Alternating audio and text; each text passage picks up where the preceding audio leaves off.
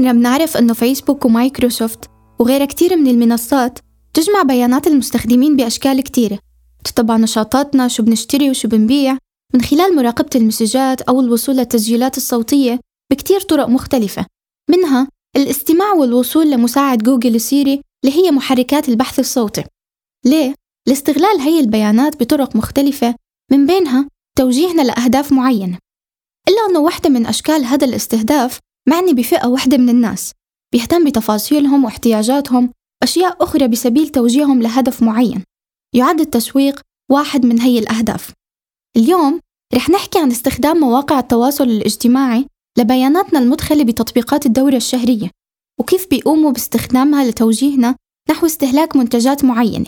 وأيضا رح نسمع لتجارب مختلفة نجح بعضها بتقنين أكبر قدر ممكن من مخاطر غياب الخصوصية. أنا يمان الدالاتي وهذا بودكاست على العتبة من إنتاج نوم بوست. على العتبة هو برنامج بيطرح مشاكل واهتمامات المرأة العربية بشكل مختلف لإعادة التفكير فيها من جديد. وبحلقة اليوم رح نحكي عن تسليع خصوصية المرأة واستغلالها في التسويق.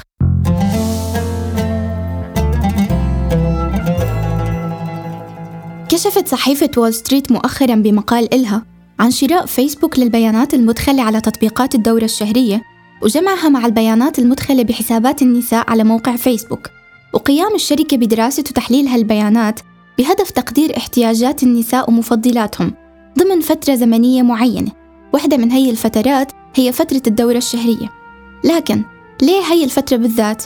وكيف بتتم هي الخطة وشو الهدف من وراءها؟ يلي بحاول يعمله فيسبوك بالتعاون مع عدة شركات تسويق هو جمع البيانات وتحليلها لاستغلال هي الفترة المعينة من حياتنا كمستهلك خاص له امتيازاته واختياراته الخاصة.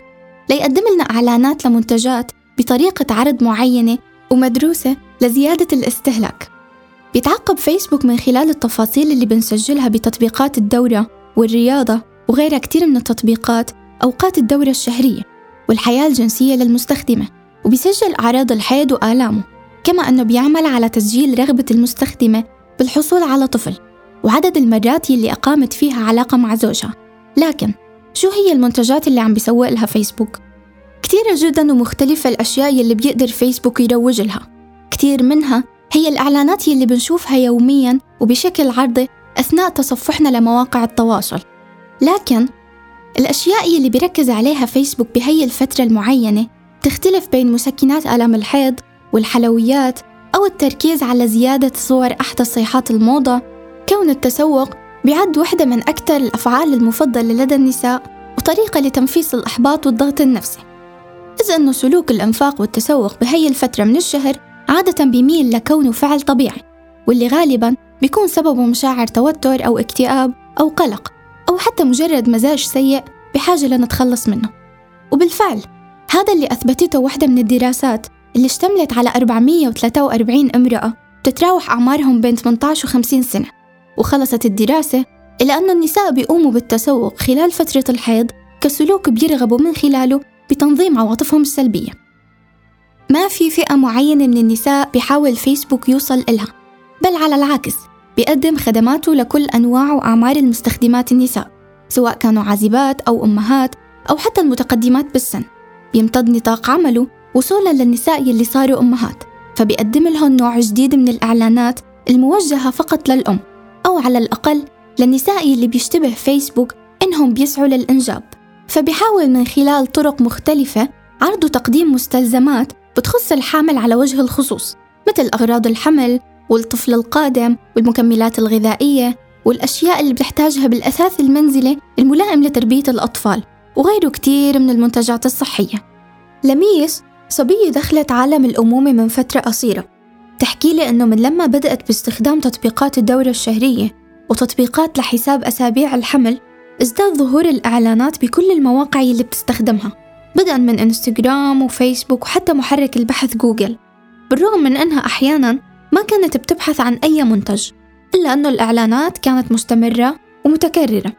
لكن لميس كانت واعية للموضوع من بدايته وملاحظة ظهور هالإعلانات وتأثرها فيهم بشكل غير واعي. حتى اختلطت عليها الأمور وصار في خلل بطريقة تسوقها واستهلاكها لكتير من الضروريات. للوقت يلي قررت لميس إنها تحط حد للموضوع بطريقتها الخاصة. هلا بالبداية آه، كان الموضوع إنه لما مثلا صورة ما بتلفت انتباهي على الإنستغرام لمنتج يعني بغض النظر شو هو.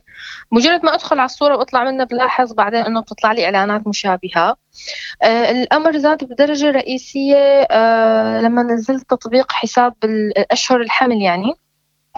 آه، بدأت بدأت تظهر لي منتجات كثيرة ل يعني للعناية بالأطفال وهيك. وحتى لما بحكي مع اللي حوالي يعني أحيانا ما بكون أصلا عاملة search على المنتج مجرد ما أحكي مع اللي حوالي عن منتج ما آه كمان بلاقي إنه آه بيطلع لي صور وماركات للمنتج نفسه. وأنا ما مجربة أصلا إني أعمل search ف دائما يعني بالدرجة الرئيسية كان بالبحث أو حتى بالحديث بلاحظ ظهور منتجات بشكل مكثف ومزعج أحيانا.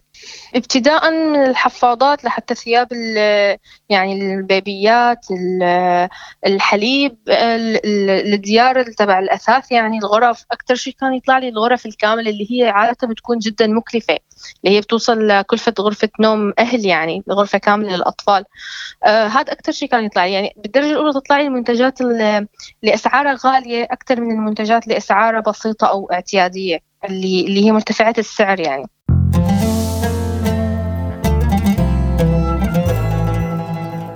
يا ترى هل شركة فيسبوك هي اللي ابتدعت خطة استهداف المرأة بخطط تسويقية منفصلة؟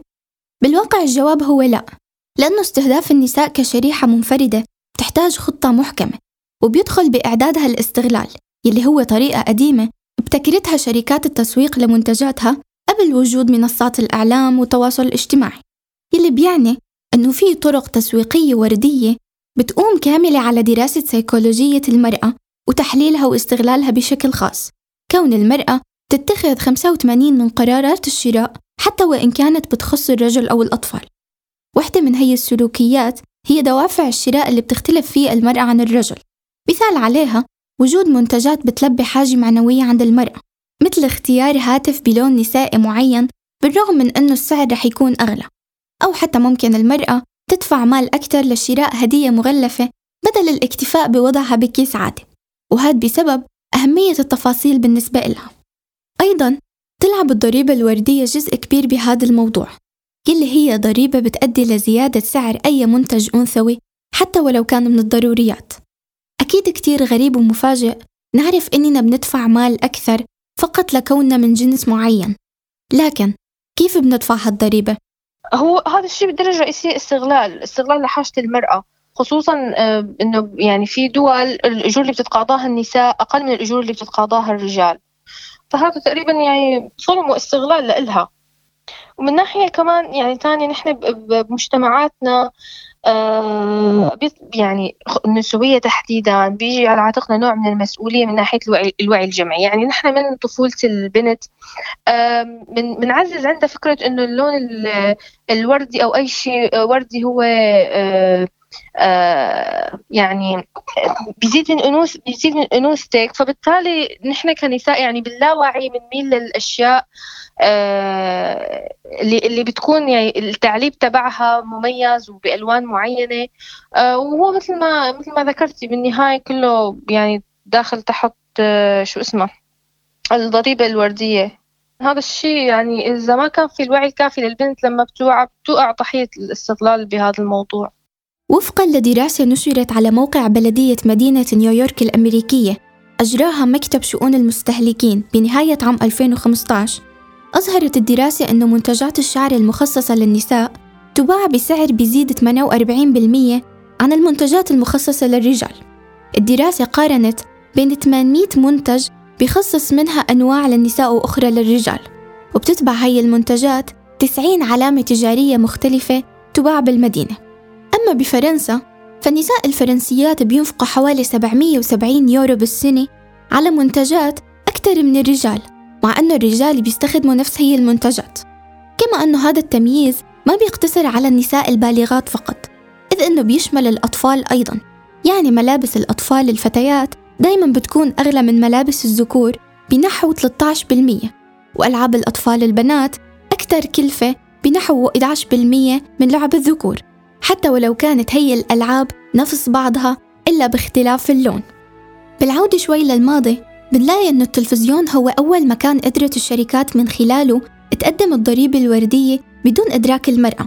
إذ كان أول وسيلة إعلان كبرت عليها أجيال تم توجيهها لسنوات طويلة من خلال إعلانات معينة تحمل أفكار وتوجيهات سلوكية غير مباشرة مثل إعلانات الأمومة السعيدة وتقديم المنتج بطريقة بعيدة عن حقيقته أو إعطاء اقتناءه أهمية أكبر. بدأ الأمر بدعاية أو تنتين بيتم تكرارهم طوال اليوم لمنتجات محلية الصنع هدفها الرئيسي هو لفت الانتباه لوجودها. بعدين تحول الأمر لجزء من البث اليومي للمحطات أي أنه ساعات بث البرامج والمسلسلات ومحتوى التلفاز بشكل عام صار بيساوي المدة المقررة لبث الإعلانات.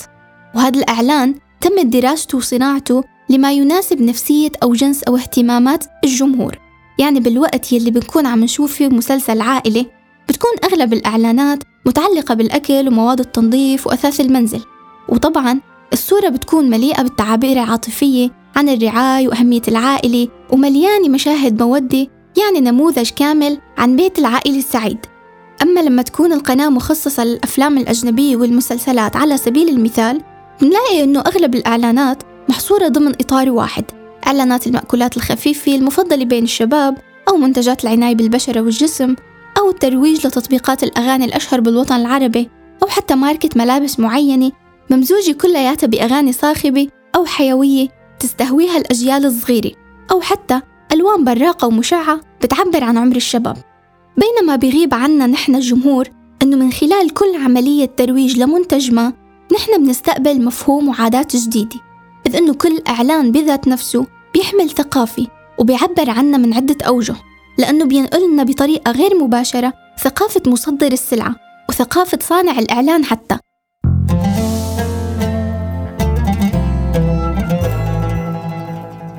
بعد ما فهمنا الطريقة يلي بتشتغل فيها الشركات وأدركنا أهمية الموضوع من الناحية المادية وتأثيره على حياتنا اليومية بشكل مباشر صار عنا سؤال أخير وهو كيف فينا نحمي حالنا من الاستهلاك الفائض؟